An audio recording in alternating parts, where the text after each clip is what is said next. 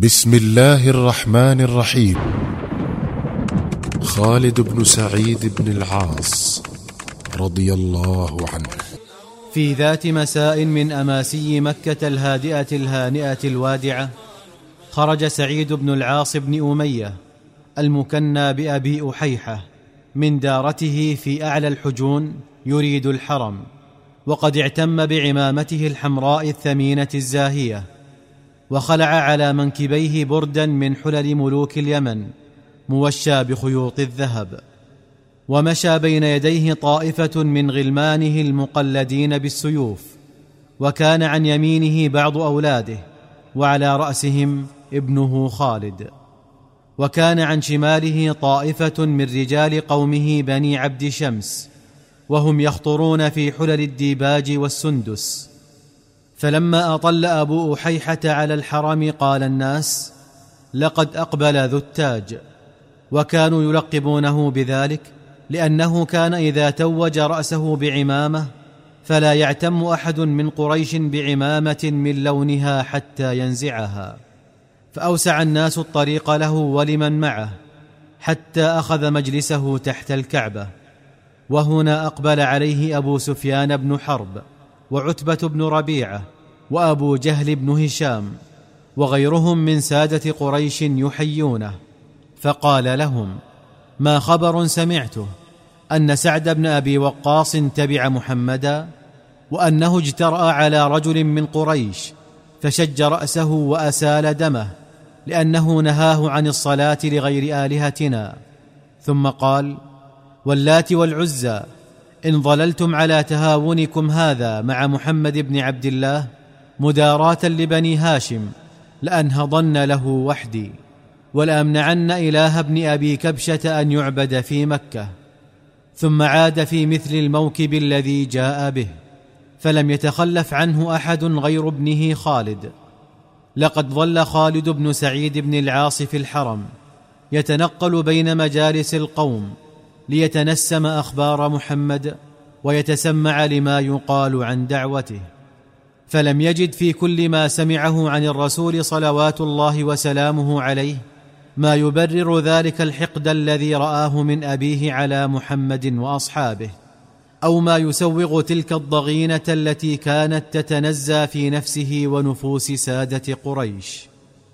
ولما أقبل الليل عاد خالد بن سعيد إلى دارتهم ومضى إلى مخدعه دون أن يمر بحجرة أبيه ليلقي عليه تحية المساء كما كان يفعل كل يوم. ثم استلقى على فراشه الوثير يريد النوم. لكن النوم لم يوات خالدا ولم تكتحل به عيناه. فقد استبد به أرق أطار الرقاد من عينيه. وكان الذي يشغل باله أمر محمد وما يدعو إليه. وخوفه من أن يبطش أبوه به بطشة الجبارين. وفي الهزيع الأخير من الليل نهكه النعاس فأسلم جفنيه للكرى وما هو إلا قليل حتى هب مذعورا ممتقع الوجه يرتجف من هول ما رأى ويهتز من فرط ما عانى وهو يقول أحلف بالله إن هذه الرؤيا لرؤيا حق وإني ما رأيت كذبا. لقد رأى خالد نفسه واقفا على شفير واد سحيق من أودية جهنم. لا يدرك الطرف مداه ولا يعرف المرء قراره. وكانت تتلظى في هذا الوادي نار لها شهيق وزفير. يخلعان القلوب خلعا ويهصران النفوس هصرا. فلما هم بالابتعاد عن شفير الوادي برز له أبوه.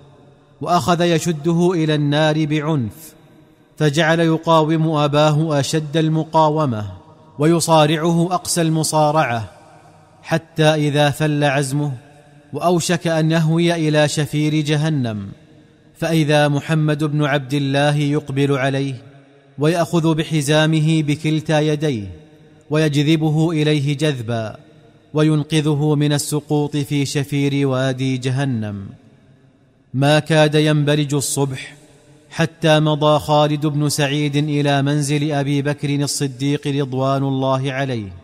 ذلك لأنه كان يأنس به ويطمئن له.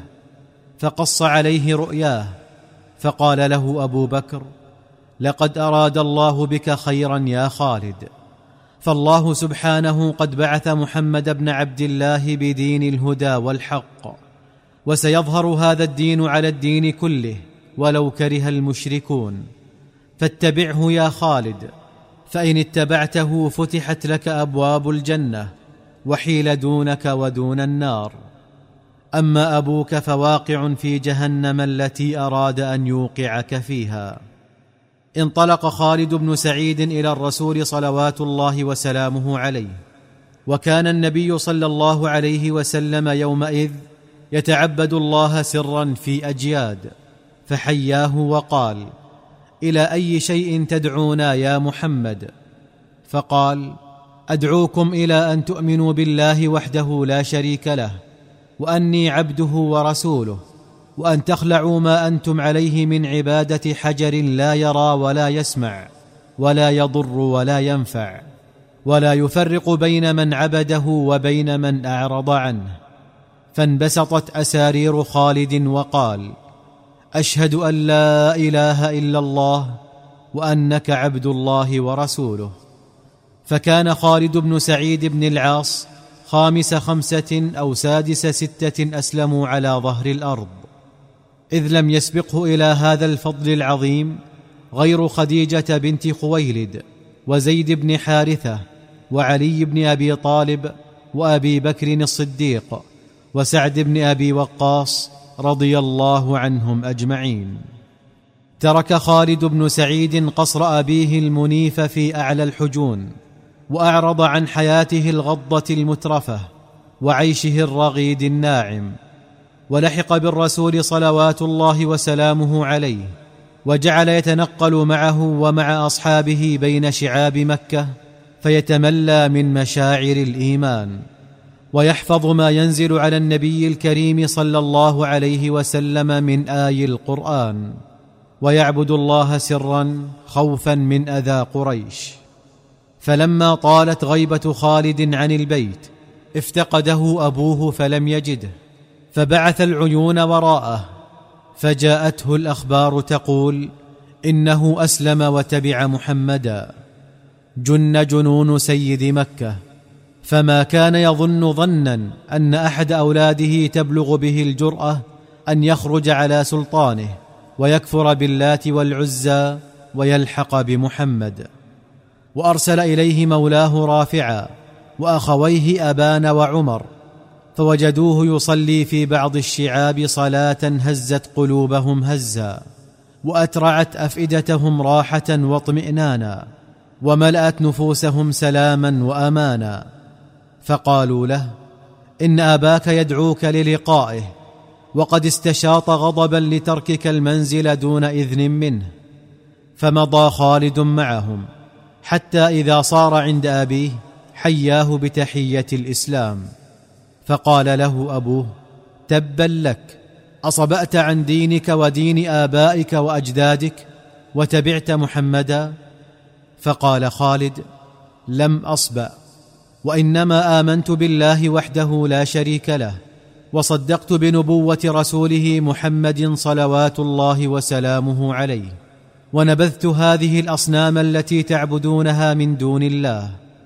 فقال أبوه ويحك أتقول إنك صدقت هذا المدعي؟ فقال خالد ما هو بمدع وإنما هو صادق يبلغ رسالات ربه. وينصح لي ولك وللناس أجمعين. فقال أبوه لا بد من أن تعرض عنه وتكذبه.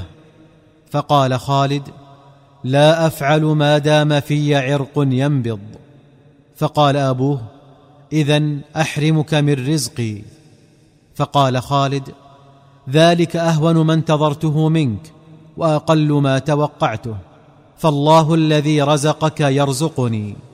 فتميز سيد بني عبد شمس غيظا منه وانهال عليه بعصا غليظة أعدها له فشج رأسه وأسال دمه.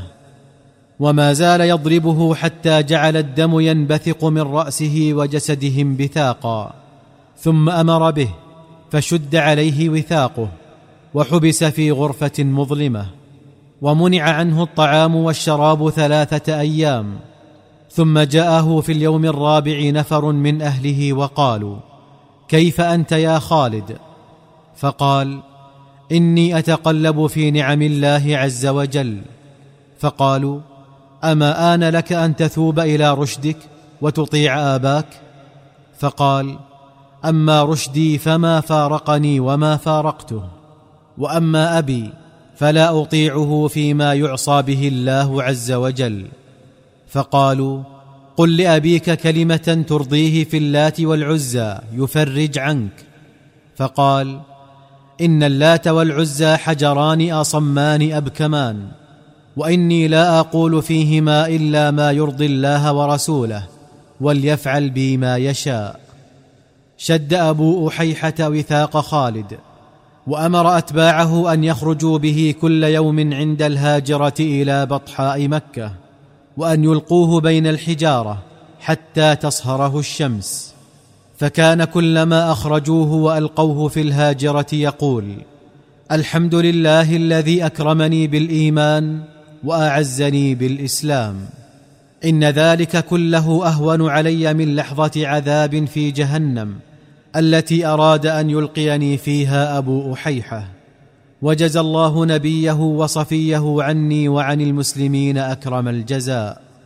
ثم حانت لخالد فرصة فتفلت من سجن أبيه ومضى إلى نبيه صلوات الله وسلامه عليه. ثم ما لبث أن لحق به أخواه عمر وأبان وانضما معه إلى موكب الخير والنور. عند ذلك أسقط في يدي أبي أحيحة وقال واللات والعزى لأعزلن بمالي بعيدا عن مكة فذلك خير لي. ولأهجرن أولئك الصباة الذين يعيبون آلهتي وأربابي. ثم انتقل إلى قرية قريبة من الطائف وظل فيها حتى مات كمدا وهو على الشرك. ولما أذن الرسول صلوات الله وسلامه عليه لأصحابه بالهجرة إلى الحبشة نزح إليها خالد بن سعيد بن العاص ومعه زوجته أمينة بنت خلف الخزاعية وقد أقام فيها بضع عشرة سنة داعية إلى الله ولم يغادرها إلى المدينة إلا بعد أن فتح الله على المسلمين خيبر. فسر الرسول عليه الصلاة والسلام بمقدمه أبلغ السرور وقسم له من غنائم خيبر كما قسم للمحاربين ثم ولاه اليمن فظل واليا عليها إلى أن لحق الرسول الكريم صلى الله عليه وسلم بجوار ربه. وفي عهد الصديق رضي الله عنه انضوى خالد بن سعيد بن العاص تحت لواء الجيش المتجه إلى بلاد الشام لحرب الروم فأبلى في ميادين القتال بلاء يليق بفارس كمي مثله. وقبيل معركة مرج الصفر التي وقعت بالقرب من دمشق خطب خالد أم حكيم بنت الحارث وعقد عليها فلما أراد أن يعرس بها قالت يا خالد حبذا لو أخرت إلى أن ينفض الناس من تلك المعركة التي أرانا مقدمين عليها فقال لها إن نفسي تحدثني بأني سأصاب فيها ثم أعرس بها وفي صباح اليوم الذي تلا زفافه أولم لأصحابه فما كادوا يفرغون من طعامهم حتى صفت الروم جنودها صفا وراء صف وخرج واحد من فرسانهم يطلب مبارزا فبرز له حبيب بن سلمة وقتله فخرج فارس آخر وطلب مبارزا فبرز له خالد بن سعيد وتصاول الفارسان وتجاولا ثم سدد كل منهما لصاحبه ضربة قاتلة. فأصاب سيف الرومي وأخطأ سيف خالد فخر صريعا شهيدا. ثم التحم الجيشان ودارت بينهما رحى معركة طحون كان لا يسمع فيها إلا وقع السيوف على هام الرجال. عند ذلك هبت أم حكيم كاللبؤة التي أخذ منها أشبالها فشدت عليها ثياب عرسها واقتلعت عمود الفسطاط الذي شهد ليلة زفافها وخاضت المعركة مع الخائضين فأردت سبعة من فرسان الروم. ثم ظلت تقاتل حتى انجلت المعركة عن نصر مؤزر للإسلام والمسلمين. لقد كان ثمن هذا النصر أرواح طاهرة زكية مضت إلى ربها راضية مرضية. وكانت روح خالد بن سعيد بن العاص ترفرف بينها في حبور.